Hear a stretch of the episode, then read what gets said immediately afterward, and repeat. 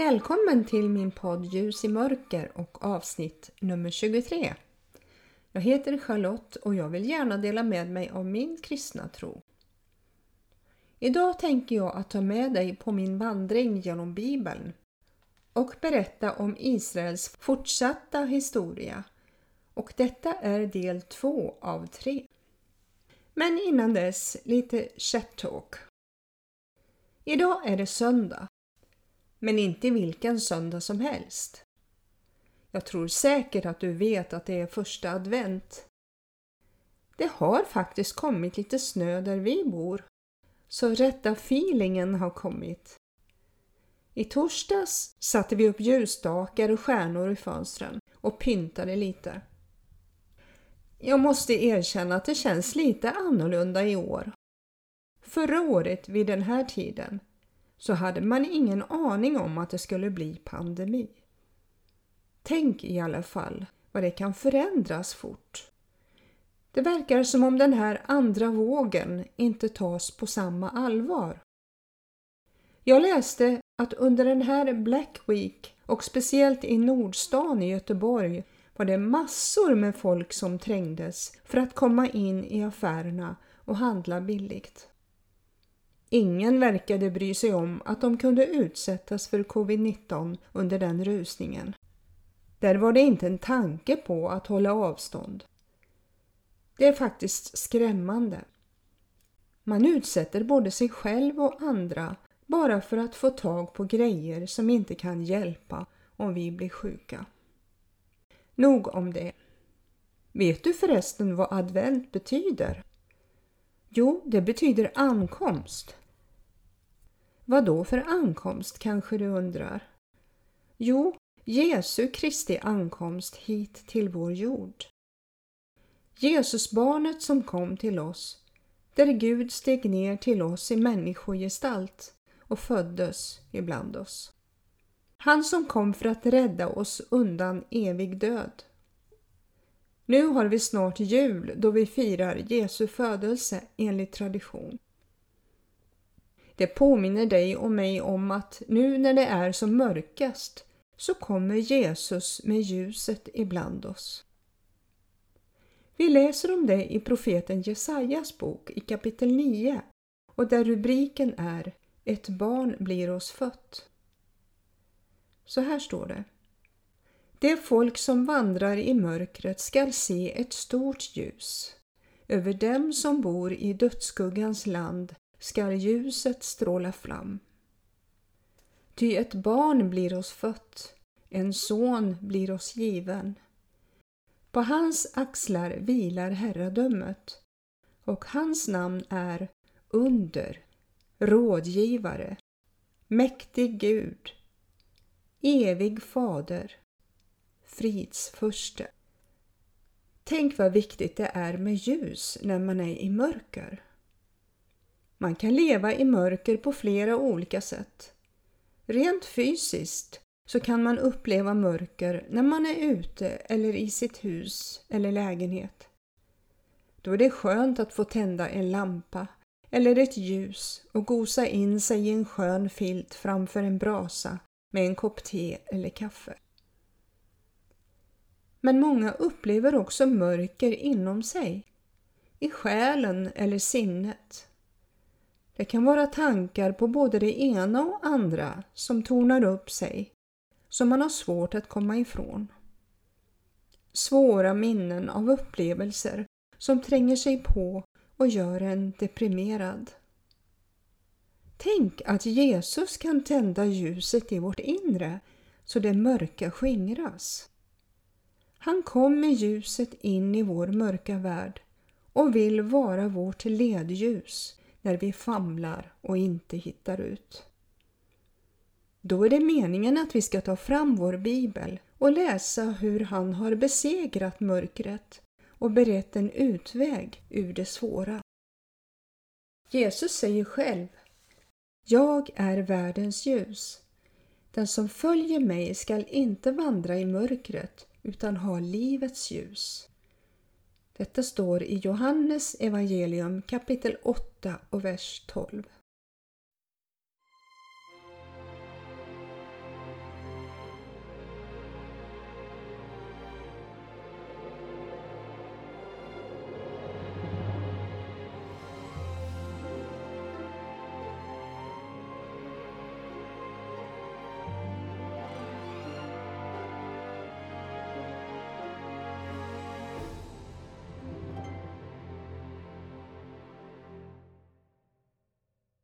Nu vill jag fortsätta att berätta om Israels historia. Jag avslutade förra gången med att berätta om Israels uttåg ur Egypten och hur de kom in i det förlovade landet, Kanans land, som Gud först hade lovat en av våra patriarker, Abraham. Han upprepade också löftet till hans son Isak och efter det för Isaks son Jakob.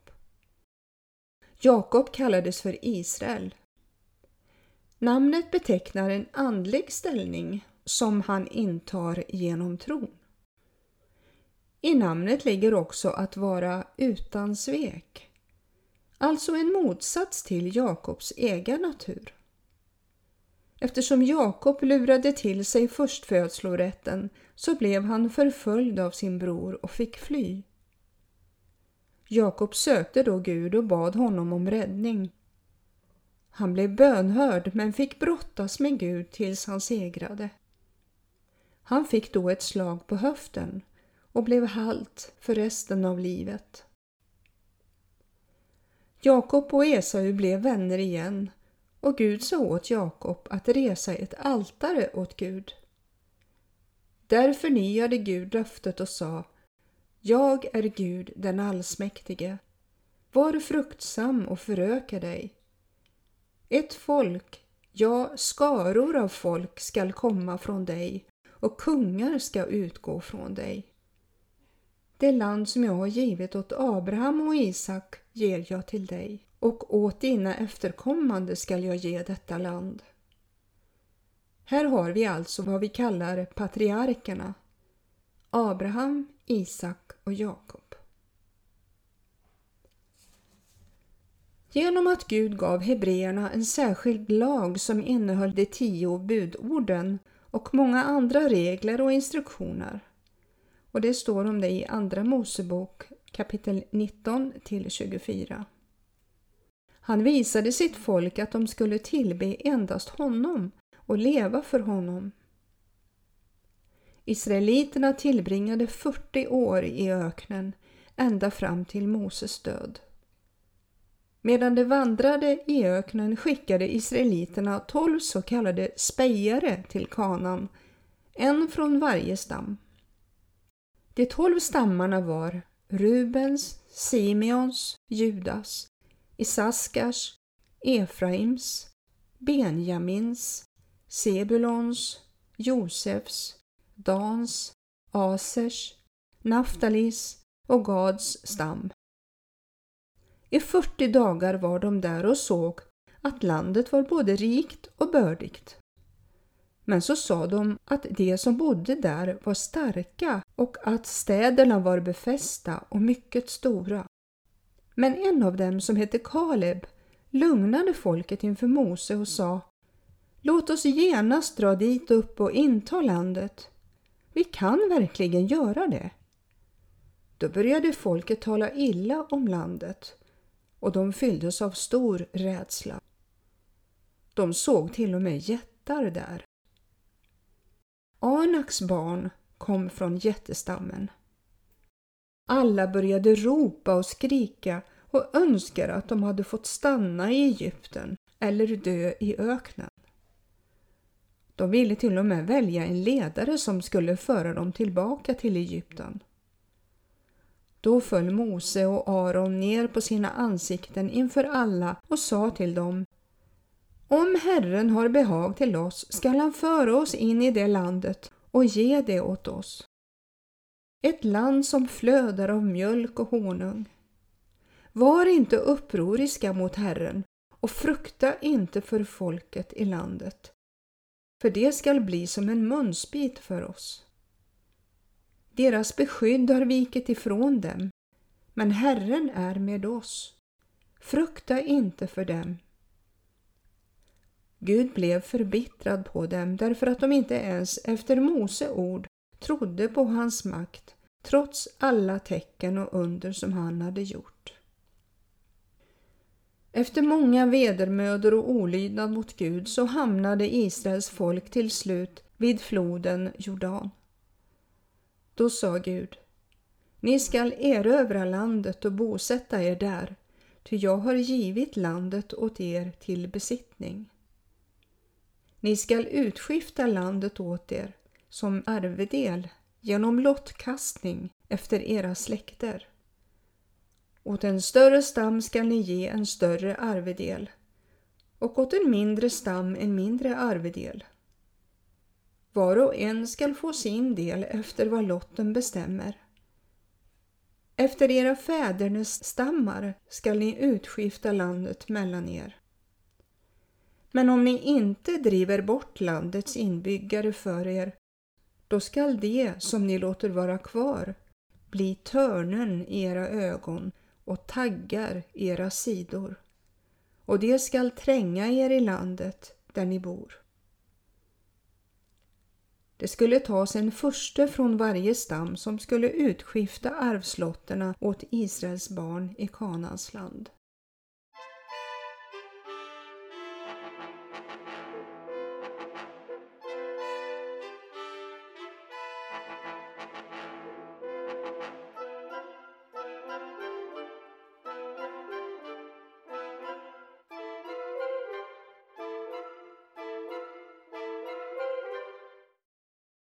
Jag vill nu citera från boken Judarna, evighetens hjältar av pastor Tommy Lilja. Det judiska folket har genom historien aldrig upphört att förvåna. Med nit har de provocerat makthållare världen över genom att vägra låta sig absorberas av andra länders kulturer. Även om judarna smält in i det dagliga livet har de ändå alltid varit annorlunda under ytan. Det finns seder, traditioner och regler som kärnan av det judiska folket aldrig har övergett. Något som för evigt har hållit och som fortfarande håller ihop den judiska identiteten. Gång på gång har antisemitiska aktioner prövat lojaliteten hos judarna men ingen har kunnat knäcka deras trohet mot sin identitet och sina rötter. Slutcitat. Det finns inget annat land som Gud har ingått förbund med och Gud kommer alltid att stå upp för detta folk som han ingick förbund med, det judiska folket. Till Abraham sa Gud i Första Mosebok 12 och 3. Jag skall välsigna dem som välsignar dig och förbanna den som förbannar dig. Det folk eller person som gör gott mot Israel gör gott mot Gud själv och den som förbannar Israel drar förbannelse över sig själv. Jag har även studerat boken Israel och hela världens framtid av Thomas Dixon där han skriver Jag har många vänner som älskar Israel och en och annan som tycker det är jobbigt med dessa Israel-romantiker. Hur viktigt är det judiska folket för oss kristna? Måste vi engagera oss för Israel? Slutcitat. För min egen del så känns det helt naturligt att välsigna Israel. Jag välsignar den kristna tron och historien. Jag välsignar mina bröder och systrar i Herren. Och jag välsignar det som Gud sa till Abraham, Isak och Jakob. Jag kan inte säga att jag älskar Jesus och samtidigt förbanna Israel. Det förefaller helt absurt för mig. Jesus var också en jude. Han levde också som en flykting när han var barn. När han kom så var det ingen bland hans eget folk som tog emot honom. Han visste hur det var att bli förkastad, förnedrad och fördömd. Vi älskar därför att han först har älskat oss, står det i Bibeln. Och det är verkligen sant. Israel har varit i skottgluggen genom århundraden. Trots att de inte är större än Småland så har de fått sån publicitet, inte minst i media. Vad jag kan känna så är det ingen rättvis bild som målas upp utan allt som händer pekar på att det är Israel som bär det tyngsta ansvaret för fred. Man glömmer att det är ett land som Gud har lovat genom sitt ord. Att det är ett land som han själv har valt ut och att folket är Herrens utvalda släkte. Inte ens vi kristna kan yvas över att vi är hans barn, för vi är bara en gren från ett vilt olivträd som ympats in i det äkta olivträdet. Allt är bara av nåd. Jag citerar nu från Ulf Ekmans bok Älskade hatade Israel. Israel som land är helt knutet till och beroende av sin historia. Hela tanken att det judiska folket ska leva i Mellanöstern är förankrat i ett historiskt skeende. De lever där idag därför att de har levt där förut. Det är inte en ny statsbildning utan en återvändande nation. Ingenting har varit så kontroversiellt i arabvärlden som detta. På många håll ser man det som en fullständig katastrof att judarna har återkommit till sitt land. Det är förresten det namn som palestinierna gett den judiska statsbildningen, katastrofen. Det innebär att man inte överhuvudtaget kan tänka sig judisk närvaro i form av en statsbildning i Mellanöstern. För det judiska folket har det däremot varit ett hopp och en längtan som funnits där i snart 2000 år. Slutcitat. Efter templets förstörelse i Jerusalem år 70 efter Kristus och därefter hela stadens år 135 efter Kristus så blev judarna skingrade över hela romarriket. Det var romerska ockupanter som tog över och ändrade namnet Jerusalem till Amelia Capitolina och började så småningom kalla Israels land för Palestina. Det var ett grovt smädenamn efter judarnas värsta fiender filisteerna. Staden blev helt hednisk och hade ett hedniskt namn. Judarna hade en stark längtan att få komma tillbaka till sitt land. Det fanns en del judar kvar men de tilläts inte komma in i Jerusalem. De möttes uppe på Olivberget under påskhögtiden för att begråta denna förstörelse av templet och bad till Gud att de skulle få komma tillbaka. Det var senare som klagomuren uppstod, när man sen fick komma till staden. Den plats som templet stod på var Moria berg, där Abraham skulle offra sin son Isak, cirka 2000 år innan Jesus föddes. Då handlade det alltså om 4000 års närvaro i landet och de löften som patriarkerna hade fått av Gud. Utan löftena och förbundet så skulle inte judarna varit närvarande i landet. Men detta talar starkare än något annat. Att skaparen av denna värld har upprättat förbund med det som man kallar sitt egendomsfolk. I femte Mosebok har vi en av Gamla testamentets största och mäktigaste profetior om den kommande Messias. I kapitel 18, vers 15 står det Herren din Gud skall låta uppstå åt dig en profet bland ditt folk, av dina bröder, en som är lik mig. Honom skall ni lyssna till. Denna profetia av Mose bekräftades av Gud i vers 18. En profet skall jag låta uppstå åt dem bland deras bröder. En som är lik dig.